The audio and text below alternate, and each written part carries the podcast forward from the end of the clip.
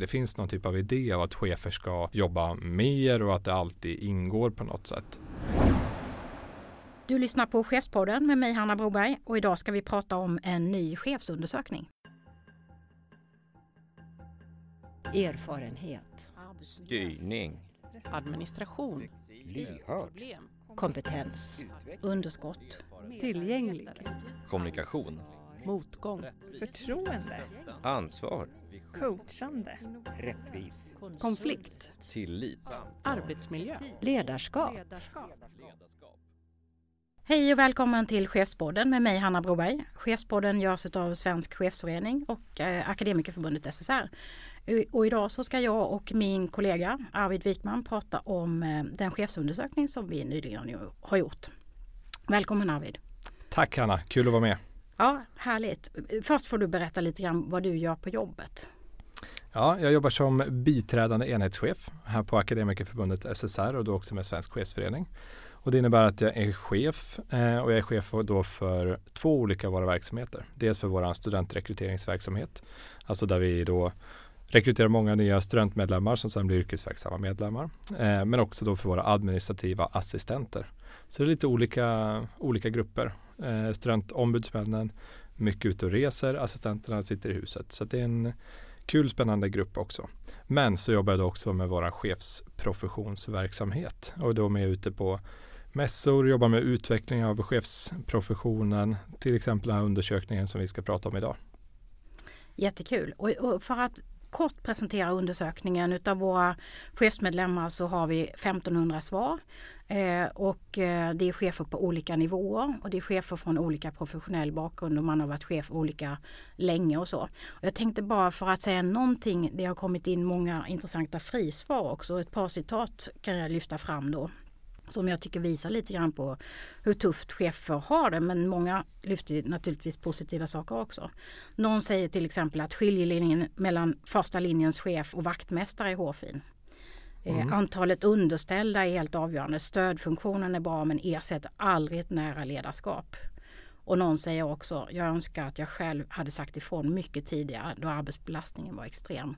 Mm. Det är väl sånt vi känner igen när vi träffar, du träffar ju chefer på mässor till exempel som säger ungefär det här. Ja, precis. Nej, men det, det är ju man ska säga, det, det är tråkigt att säga att man känner igen det, men så är det verkligen. Men jag tycker också att det andas. Det finns mycket en, en stolthet för många chefer som vill och som också syns i att man vill aktivt jobba med sitt ledarskap och nära och så. Och jag tycker, ska man vara positiv i, i signaler så är det att se att det finns den här tanken att vi vill få göra det. Men eh, det finns förutsättningar som inte riktigt är bra nog. Och det är väl det vi vill fånga upp och, och förändra och påverka? Ja, men precis. Om vi tittar till exempel på en sak som, som man ofta pratar om i chefssammanhang så är det ju övertiden. Att, att ibland kan man nästan känna att för några är det lite grann en prestige att man jobbar väldigt många timmar. Eh, men, men många hävdar också att det liksom kan bli ohållbart att förena med familj och så. Här till exempel säger vi en av tio chefer jobbar 50 till 60 timmar per, per vecka. Eh, tre av fyra chefer jobbar 40 till 50 timmar per vecka. Det är väldigt mycket. Mm. Jag för att man såg, man i samma undersök eller i undersökningen också såg hur många det var som jobbade 40 timmar eller mindre, alltså upp till 40 mm. timmar. Så om man hade man tagit bort deltiden där så var det bara några få, få procent. Ja, och jag tänker att det här är också ett stort problem, precis det du säger. Det finns någon typ av idé av att chefer ska jobba mer och att det alltid ingår på något sätt. Eh, men vi behöver ha chefer som är utvilade. Alltså vi har, ju, vi har ju slagits för att ha en reglerad arbetstid för att man ska ha ork eh, att göra bästa under de aktiva tidars, timmar som man är på jobbet. Så att det här är ju, ett, det är ju klart att det är ett stort problem. Jag tänker också att det är ett problem för chefer är ju förebilder på arbetsplatsen. Och har vi då chefen som jobbar 50-60 timmar så sätter det en standard för medarbetarna och jobbar mycket mer också. Ingen annan vågar gå hem förrän chefen har gått. Nej, det känns lite japanskt i det där. Absolut. Ja.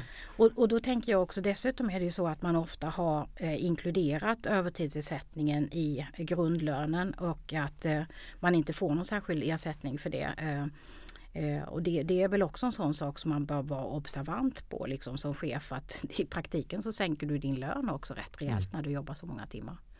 Ja men visst. Och det där är också, vi vet det från våran eh, rådgivning till chefer som tittar på sina avtal så är det väldigt vanligt att man får förslag på ett avtal där övertiden redan är inlöst. Och det är förstås, det kan ju vara bra, det är, men jag tror att man måste fundera på. Jag tror, eller vi rekommenderar gärna medlemmarna då att titta på ja, men kan vi ha den bestämmelsen men utvärdera den efter ett halvår och så håller man koll på ungefär hur mycket övertid man jobbar. Så att man dels kan få rätt betalt för det men kanske också framförallt ha en diskussion om hur påverkar vi det här. För risken är att det försvinner lite grann. Det syns inte på hur mycket pengar arbetsgivaren behöver betala ut. För det tänker jag annars att det är typ en, en stödfunktion eller idén med kollektivavtalet att reglera att så här att man får övertid är ju att det ska bli dyrt någonstans att ha för mycket övertid. Och det här är en lösning som inte alls har med det så det, det tror jag man ska titta på. Skulle det vara synligt skulle man eh, överväga att kanske lägga de resurserna på en stödfunktion. Ja, precis det Ja. tror jag. Och då ska vi kunna få den här diskussionen. Jag vet att vi ska, vi ska prata om det snart också. Men, vad, hur, hur mycket är det, vad är det som ligger på chefens bord? Finns det saker man kan ta bort för att få det att fungera? För ja, ja, det tror jag är bra att prata om. Ja, för ska man, jag tycker nog att man skulle kunna säga att en chefstjänst ska rymmas i 40 timmar. Mm. Det måste ju det måste ju gå. Om det ska vara för alla andra så måste det vara för chefer också. Precis. Men sen tror jag bara man måste säga också att det är klart att det är varierat över åren. Alltså beroende på vilken, vilken sektor man jobbar i, vilken arbetsplats så har man toppar och dalar. Och det måste vi ha bra kollektivavtalslösningar, bra avtal som har den flexibiliteten. Men det vi har ställt frågan här handlar ju om på en snitt på ett årsbasis. Och när man då ser det här att de allra flesta jobbar långt mycket, ja i alla fall ganska mycket mer än 40 timmar så, så kan vi konstatera att det inte riktigt funkar. På en månad jobbar man oftast en extra vecka, arbetsvecka. Ja. Det är ganska mycket. Eh, ja, som, som sagt, vad är det då som ligger på chefernas bord? För 8 av 10 säger ju att de gör saker som faktiskt just någon annan stödfunktion till exempel skulle kunna hjälpa till med. Mm. 8 av 10. 8 av 10. Ja. Nej, det, det känns inte heller som, eh, som hållbart. Alltså vi, det, jag tror att det, vi pratar, vi pratar mycket om tillit under de senaste åren och särskilt året då, där vi släppt den här tillitsboken bland annat. Som och den, handlar, den tar sikte bland annat på det här som vi sett att, av New Public Management. Alltså där vi fått en blandning mellan privat och, och offentligt och där vi fått mer och mer administration av uppföljningar. Eh, och jag tror att man kan se det en del av det här. Fler och fler chefer, för man ser det också, säger att det är framförallt administrationen som är mängder. Och det där är en svår disk- alltså det är en jättesvår nöt och diskussion att ta också. Jag vet att eh, läkarna gjorde ju för några år sedan en diskussion sådär om hur, hur mycket kostar det när en läkare stoppar kaffekoppen i diskmaskinen. Eh, och som jag vet att man fick en del, ja, men en del kritik för, för det kändes arrogant. Vi har en idé i Sverige om att alla kan ställa in sin egen kaffekopp. Eh, och, och det kan vara olika åsikter om. Men här pratar vi om utpekade administrativ, alltså utpekat administrativt arbete. Och jag tror att slår man ihop det vi pratade om nyss, där vi vet att man jobbar 25% mer, man borde kanske ha 25% fler chefer i Sverige. Eh, så, eh, eh ja, eller i alla fall fler administrativa tjänster som gör delar av det. Det är väl också så att när vi tittar på våra chefsmedlemmar så är det ju inte alla som har en profession som är specialister faktiskt på det här administrativa arbetet. En sak är väl om man har rimligt antal mål och att man faktiskt som chef jobbar aktivt med att följa upp dem. Men då vet vi att det finns just, man mäter för mycket saker och det finns för mycket liksom, ja, nyckeltal och mål och så. Men sen också som du säger, det är kanske inte kaffekoppen utan det är liksom att beställa resor eller boka konferensbord och äh, konferensrum och Mm. massa sån administration också. En del ja, annan hantering runt personal där kanske HR-avdelningen skulle vara bättre också. Ja, precis. Nej, jag tror att det är viktigt att man har en helhetsgrepp och tittar på det. dels det administrativa stödet men också sånt som du pratar om med, med HR-stöd. Eh, vet att det är många som sliter mycket när man har hög personalomsättning med att göra mycket rekryteringsarbete. Eh, och det tror jag man kan få mer stöd i. Jag tror både du och jag känner också igen oss i att det här administrativa arbetet det prioriterar sig lite själv. Systemen ger alerts och sådär. Så att det, liksom, det som man måste skjuta undan det är mycket av dialogen med medarbetare eller det här eh, ja men lite tänkande, strategi, eh, reflektera över saker och sånt som man faktiskt verkligen behöver göra som chef. Mm. Administrationen den kommer lite i första rummet då. Mm. Nej, och det känns ju, om man sätter upp det på det sättet blir det lätt att se att det är en konstig prioritering. Eh, så att, äh, men här tror jag att det finns mycket att göra. Och när jag tanken till att vi gör den här undersökningen är också att kunna ta med oss det in i kollektivavtalsförhandlingar, in i villkorsförhandlingar för våra chefsmedlemmar. Men jag tror också att vi behöver en bredare diskussion om chefers förutsättningar. Jag hoppas att det här kan vara med och bidra till det. Du, en förutsättning som, som väl är väldigt grundläggande och som man har brottats med lite fram och tillbaka. Det är ju det här med antal medarbetare per chef. Mm. Eh, och man har sagt 25-30 men vi vet att äldreomsorgschefer kan ha 50, 60 eller 70. Eh, och speciellt i hemtjänsten som dessutom är ett eh, distansledarskap. Mm. Eh, vad, vad, vad är din tanke om det? Vi håller på med ett arbete nu på förbundet där vi tittar på, för det finns ju, det är, ju, det är lite så i, i samhället i stort att vi vill ha så här, vi får ju frågan hur många chefer eller hur många medarbetare kan en chef ha? Och jag vet att det finns andra fack som har gjort sådana och försökt sätta ner foten kring någonstans. Men det är svårt, för vi vet det, precis som när vi pratar om ärenden i socialtjänst eller på migrations, Migrationsverket eh, så är det svårt. För ett ärende kan, det vet alla som har suttit med sådana uppgifter, det kan ta jättemycket tid. Precis som en medarbetare kan under perioder ta väldigt mycket tid och andra inte. Så det är svårt att säga precis hur mycket tid det tar. Men vi, har, vi håller på att jobba med det där och det finns, ju en, det finns någon gammal tumregel som jag har hört som är intressant. Där man har sagt att man ska tänka ungefär 5% per medarbetare som någon typ av snitt. Eh, och det innebär att om man hade 20 medarbetare, så skulle, eller då skulle ett tak vara 20 medarbetare om varje medarbetare tog 5% Men det förutsätter då att man inte har något, alltså något annat ansvarsområde där du arbetar med och har uppgifter i verksamheten också. För har du det då behöver du göra någon typ av avräkning från det. Så man har med sig det och tänker, för jag tror att det är vettigt att tänka någonstans att ska man ha tid och vi vet att desto mer skarp lagstiftning vi får på arbetsmiljöområdet, desto mer ansvar hamnar på chefen. Och ska man kunna ha förutsättningar att ta det på ett bra sätt, då måste man ha nog få medarbetare för att kunna göra det också. Och då tror jag att man, ja, det, det känns som att de när vi ser att det är så många som har, det var två tredjedelar som hade mer än, eh, än 20 medarbetare tror jag det är alldeles, det förstår man att det är svårt att hinna med. Och några låg ju betydligt högre också. Så, ja. eh, men, men, men eh, jag tänker att eh, det här med antal medarbetare per chef. Eh, jag vet att Nyckeltalsinstitutet har till exempel pekat på att sådana saker som sjukskrivning bland medarbetare. De talen försämras om man har för många medarbetare per chef till exempel. Och det finns även sånt som tyder på att eh, personalomsättning och sånt kan öka i grupper där, där, eh, där chefen inte har möjlighet till ett nära ledarskap. Och det är väl också ganska komplexa uppdrag vi har, både som medarbetare och chefer och det krävs verkligen den här dialogen för att återigen tala om tillit och mm. tillitsdelegationens arbete. Så, men du vill inte landa, liksom, ska vi säga max 20 eller ska vi säga max 15 eller? Alltså jag skulle vilja att vi landar, vi, mm. men vi får titta på det. Vi, vi är också ett akademikerförbund, vi vill kunna ha på fötterna om vi går ut och gör ett sånt. Men jag tror att vi ska ha en diskussion och försöka säga att kanske ja, skulle vi säga 15 så skulle man säga att har man mer än, alltså jag tror att man kan fundera på att bygga spärrfunktioner. Säga att i, i alla sammanhang där man har fler än 15 så måste man ha en diskussion och gå igenom hela arbetsbeskrivningen och titta, är det här möjligt och vilka andra stödfunktioner finns? Det är ett sätt att göra det. Men jag tror att det är intressant att sätta siffror för att få igång en diskussion. Och det tror jag att vi behöver göra, inte minst när vi ser hur många man har.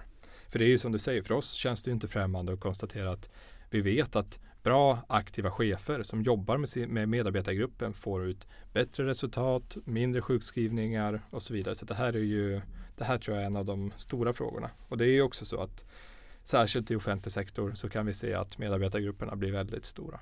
Och det tycker jag också är värt att nämna. Jag tror vi har pratat om det i, i podden här någon gång tidigare.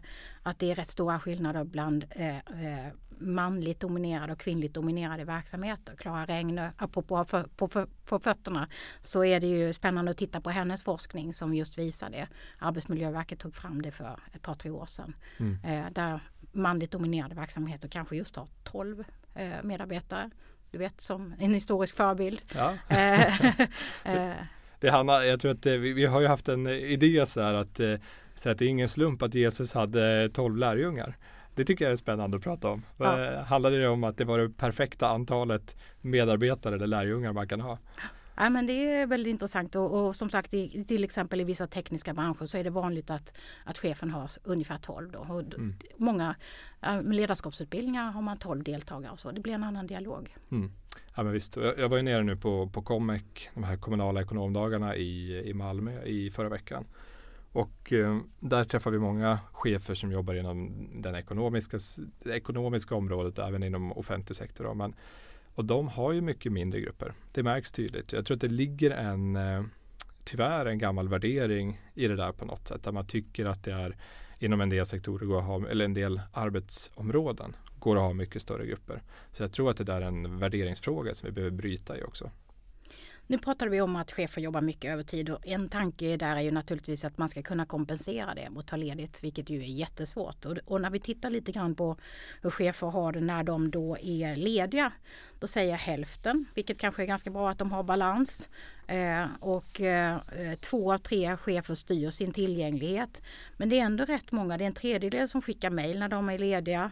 Eh, och eh, var fjärde behöver vara tillgänglig under sin ledighet. Kanske, kanske jag tror andra siffror har visat mer. Men, men det ser ändå ut som att det är rätt svårt att eh, koppla av det här gränslösa arbetslivet. Att man alltid är tillgänglig. Att man har telefonen och mejlet och hela kontoret liksom, där man är. Det är ju det är också en stressande faktor. Mm. Nej, och det är som du säger, det är tydligt eh, i den här. Och det här behöver man ju också spelregler på arbetsplatsen eh, och arbetsmarknaden. Jag vet att en del tycker att det är okej. Okay. Man säger att jag blir mindre stressad av att jag får gå in och kolla mejlen när jag är ledig. Och det, jag tror att man ska ha respekt för olikheter men jag tror också att man ska titta på vad är det bakomliggande då? Är det att man känner att ja, det finns ingen annan på plats som är med och kan fånga upp frågor när jag är borta? Det är inte heller helt sunt.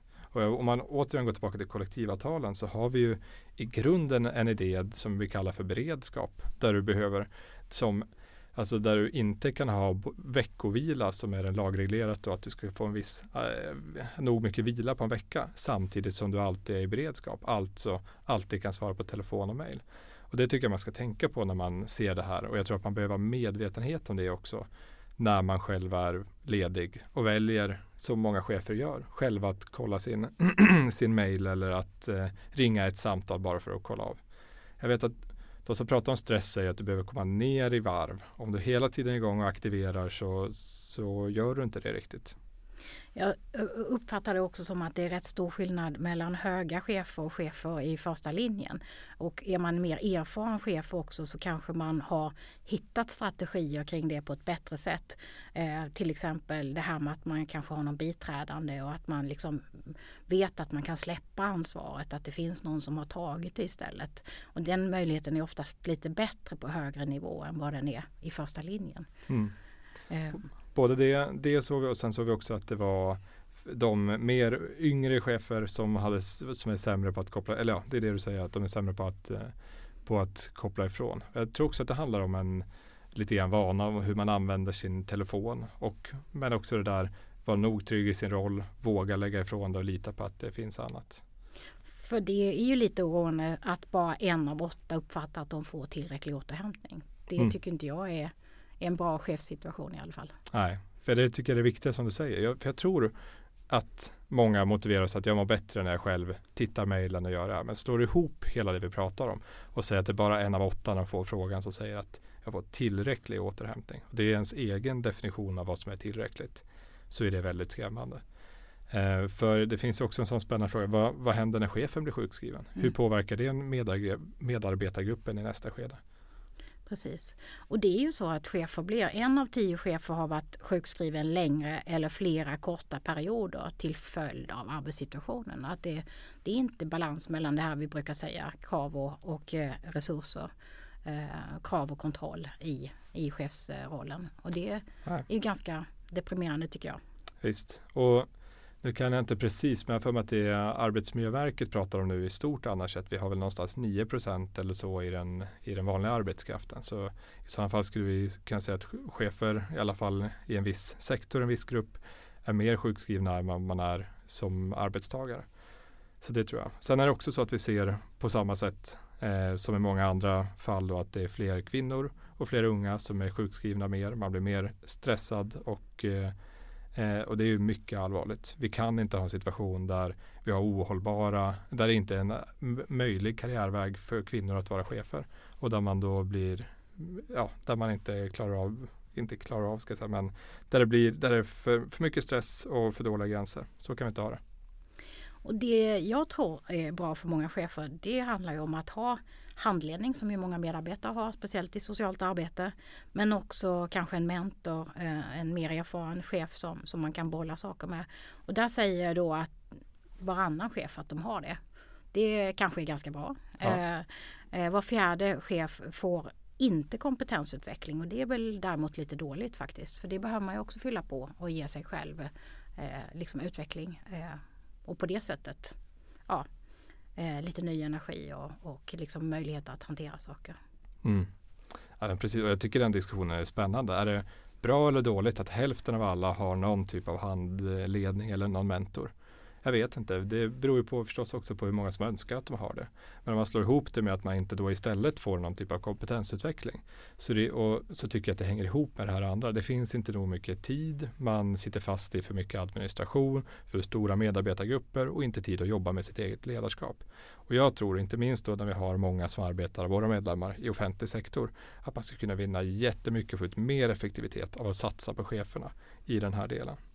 Vi har ju också under i år, 2018, så har vi då startat ett mentorskapsprogram eh, inom ramen för Svensk eh, chefsförening, ett eh, nationellt. Det har varit en superkul resa eh, och där har vi då också många som av de här som är med, vi har 20, 20 par då, alla sektorer i hela landet. Men det är så kul att vara med på den resan och se dem berätta om hur, vilken ja, men vilken utveckling det är för en själv. Och både då ska jag säga som adept och som mentor. Att få ha någon att på ett strukturerat sätt bolla tankar, idéer, upplevelser som man får ifrån sin egen verksamhet.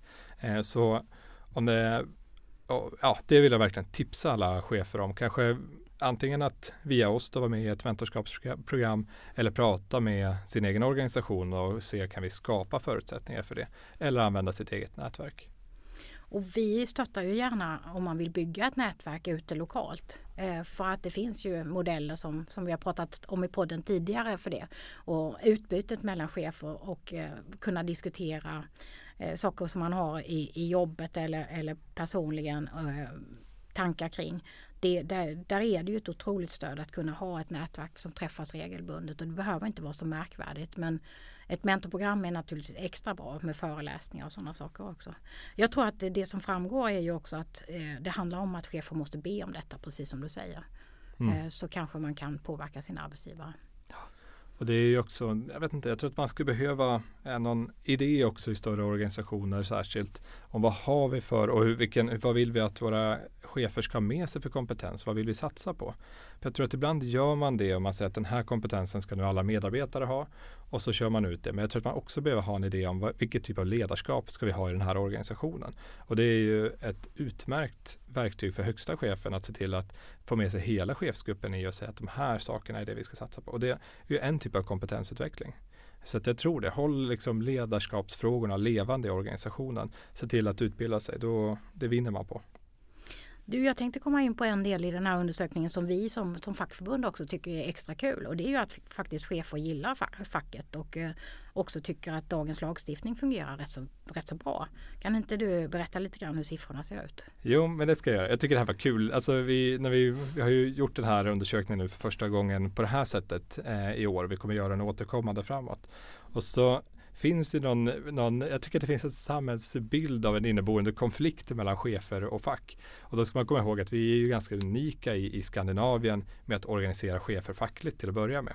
Men då tänkte vi att det här måste vi titta på. Hur ser det ut då egentligen? Vad, vad tänker våra chefsmedlemmar om, om facket? Och då, kan man, och då har vi ställt några olika frågor. Eh, men man kan säga att, de som, att generellt sett så ser man tre av fyra chefer ser väldigt positivt och man säger att man, blir, man får bättre förutsättningar för att utöva ett bra ledarskap om man har en bra, ett bra fackförbund på sin arbetsplats. Den där sista fjärdedelen kan man se i kommentarerna att den handlar ganska mycket om dåliga erfarenheter av ett, eh, framförallt ett lokalt fack. Eh, och det tycker jag, det måste man ju ta med sig som facklig part. Det måste vi jobba med. Ja, och det, ligger, alltså det, och det känns ju egentligen inte det konstigt, för det är, det är ju det vi vet. Att den svenska modellen den blir ju starkare av att vi är parter på arbetsmarknaden som tillsammans står upp för och kommer överens om hur hanterar vi svårigheter, hur får vi bättre effektivitet, hur får vi en högre lönsamhet i företaget eller i organisationen. Det är liksom grundidén, det är så vi har byggt det här samhället starkt. Så det är väl kul också att det, att det kommer fram i undersökningen tycker jag. Precis och dessutom så är det väl så apropå diskussioner som förs nu om, om eh, lagen om anställningsskydd att eh, en tredjedel av de här cheferna de har sagt upp någon de senaste tre åren eh, och 75 procent ser inte att lagstiftningen har varit något problem för att behålla rätt kompetens. Så det är väl också intressant att ha en facklig diskussion och, och en dialog med, med, med cheferna. Eh, det verkar ju fungera ganska bra ändå. Ja, jag tror det. Vi är ju, jag tycker att vi har en, en samhällsdiskussion om LAS som är lite konstig. Eh, där man ofta får en bild av att det är svårt att säga upp. Men det cheferna säger att det är inte ett hinder i alla fall LAS. Utan det är, och min bild ska jag säga, för jag har tidigare jobbat som förhandlande ombudsman och varit ute. Det är att man har att ha ett bra regelverk som, är, som vi har i Sverige och där vi har mycket domar från Arbetsdomstolen som berättar vad, vad kan man säga upp för, vad kan man inte göra det. Det gör att man också blir trygg i sin roll och eh, eh, ja, nej, så det tycker jag är bra att det, att det syns också. Ett starkt besked från cheferna att, att LAS är bra. Sen kan man väl säkert förstås diskutera ja, men hur, hur funkar det i verksamheten och hur fungerar samspelet så att man kan använda det på bästa sätt. Jag tycker ju till exempel att man också i, i uppsägningssammanhang måste vara en aktiv part som fackförbund och jobba ihop med cheferna. Jag har suttit många gånger på den fackliga sidan vid bordet när man haft eh, uppsägningar och där tycker jag att vi, som sagt man kan komma fram till många bra lösningar om man gör det och eh, inser att ibland behöver man en organisation eller ett företag tyvärr säga upp medarbetare och då får man göra det på bästa sätt. Och då tycker jag att LAS är ett jättebra stöd. Och där ska man väl också säga att facket ska även sitta på chefens sida vid stora omorganisationer och så.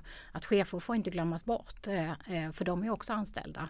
Så, så där tror jag att vi kanske kommer in lite för sent. Chefen ringer inte till oss eller vårt lokala fack har just medarbetarpositionen eh, mera än chefspositionen i, i hur man tänker. Så hör gärna av er tidigt när sånt här är på gång så att vi kan stötta er som chefer också i samband med det. För facket är till för chefen också. Du Arvid, jag tänkte att vi skulle avrunda lite med att berätta vad som händer i Svensk eh, chefsförening i höst. Men vad, är, vad har vi för typ av medlemsaktiviteter och, och mm, sammanhang där man kan eh, ja, träffa Svensk chefsförening helt enkelt? Ja men kul, jag skulle vilja prata om superhösten 2018. Okay. vi har Inte ju... bara val utan också viktigare saker än så kanske. Ja, men jag, jag tror det. Vi har ju haft ett ar arbete nu ungefär ett år tillbaka där vi tittat på mer grundligt gått igenom i vår organisation och frågat våra chefsmedlemmar vad är det som är viktigt för er? Och vi vet att en sak som är viktigt det är det här med att kunna få kompetensutbildning, eh, förlåt, kompetensutveckling, utbildningar och att träffa andra chefer. Så det har vi gjort en rejäl, eh, rejäl tempohöjning med som vi rullar ut nu egentligen med full, nästan full skala under hösten. Och det innebär att vi har strax över 100 föreläsningar, utbildningar, seminarier, nätverksträffar per år nu i hela landet i alla sektorer via Svensk chefsförening. Och eh, jag tycker ni ska hålla utkik efter, om man ska säga något om de olika, så har vi chefsfredagar. Det är ett koncept som vi fortsätter med som vi haft sedan tidigare. Och det är vårt försök att ge då en inspirationstillfälle för chefer där vi pratar om ett nytt, nytt sätt att se på ledarskap, någon ny aktuell forskning, någonting som man kan ta med sig därifrån som ett, eh, ja, men inspiration. Men vi sätter också ihop det så att det är nätverk, eh, nätverkande i samma, för jag avslutar alla dem med mingel. Så har man inte varit på en chefs, chefsfredag så tycker jag att man ska gå på det eh, och träffa andra chefer och få inspiration. Men vi har också börjat då med, sedan ett år tillbaka, chefsfrukostar.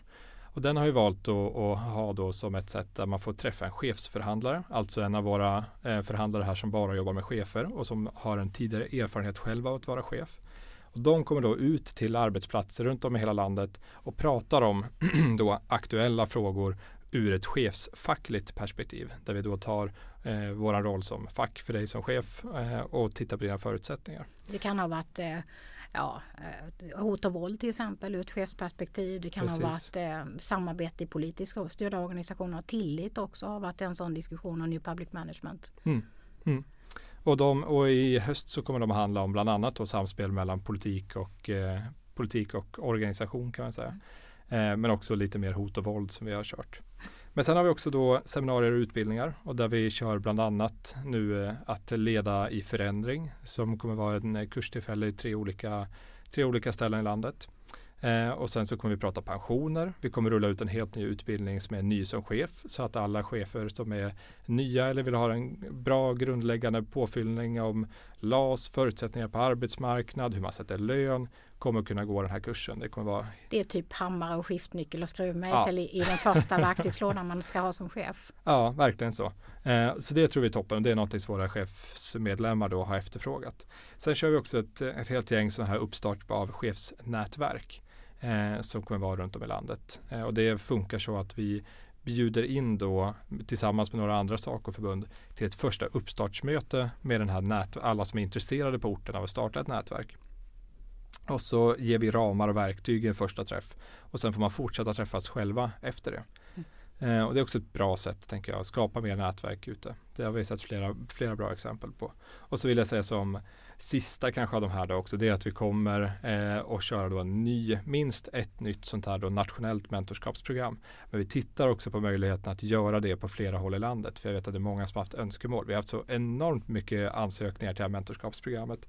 Eh, så vi, det vore ju kul tycker jag att kunna ha ett i Malmö, ett i Göteborg, ett i norra Sverige någonstans och ett i Stockholm kanske. Vi får se vad vi kan göra, men det tror jag vi ska jobba mer med. Här jobbas det på eh, och jag tycker att eh, du som, som lyssnar och som eh, är medlem eh, känner igen dig eller har någonting du funderar över, någonting du vill kommentera angående vår undersökning som kommer att finnas på vår webb eh, eh, också att ta del av. Så eh, kan vi säga kontakta alltid Chef Direkt. De kan också ge stöd och rådgivning om det är någonting speciellt som, som händer i din roll eh, som, som chef och som, som eh, anställd. Så Chef Direkt finns där och där kan man väl säga dessutom då apropå allt som görs att Chef Direkt kommer också ut. Man kan träffa en förhandlare eh, eh, runt om i landet. Eh, ja, det, är det är ute någon varje vecka någonstans i landet. Mm. Ett par stycken. Så att, det är också ett väldigt bra sätt att träffa våra förhandlare. Kanske kolla saker lite förebyggande och inte bara i en akut situation. Men så här, podden är tillbaka om två veckor ungefär och eh, tusen tack till dig Arvid. Tack Hanna. Hej då!